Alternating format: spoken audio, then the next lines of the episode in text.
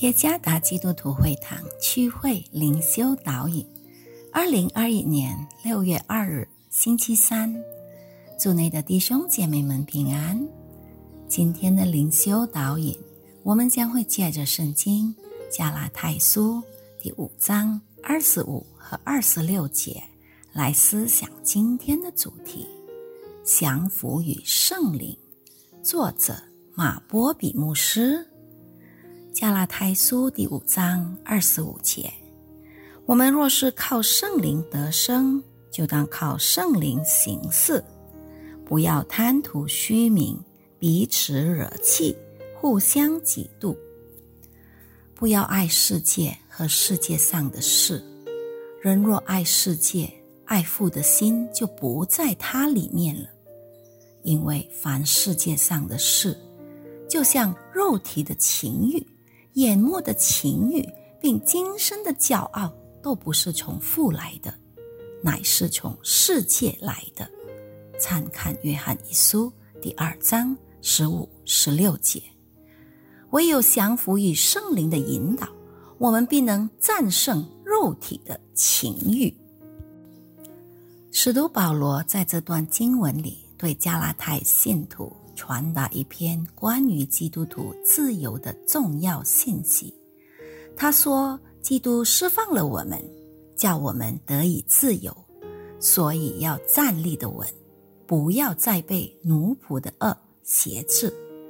为此，需要做的是选择正确的生活方式，也是合神心意的，就是活在圣灵的引导或旨意下。”不是肉体的情欲，我们晓得肉体的情欲就是污秽的行为，例如贪图虚名、彼此惹气，以及互相嫉妒。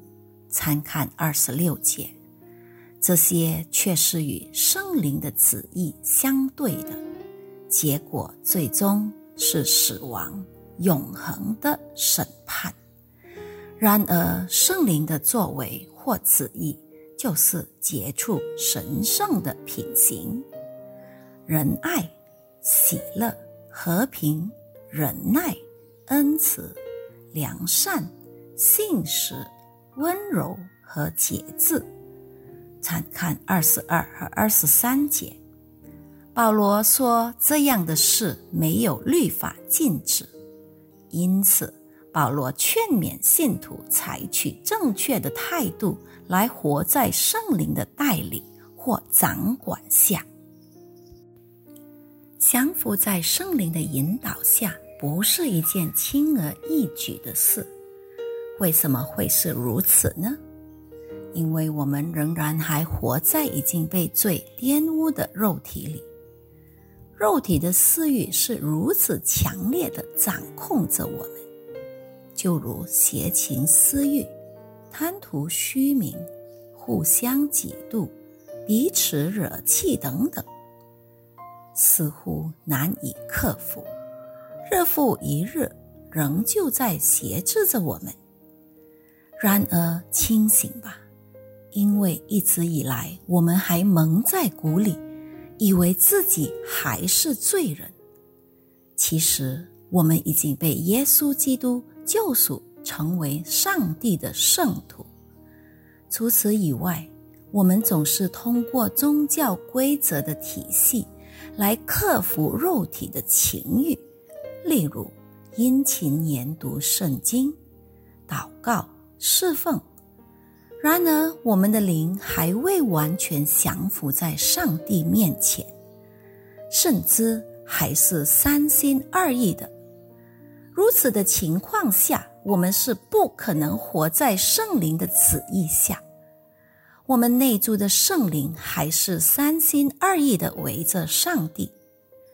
那么，我们需要常常来做这个简单的操练，那就是全然降服在圣灵的引导，然后思想上帝的话语，以及把肉体的私欲约束起来。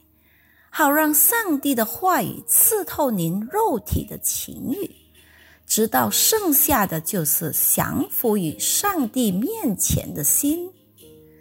最为基本击败肉体私欲的操练，就是锻炼您的心灵，让它降服于圣灵和上帝话语光中的引导。愿上帝赐福大家。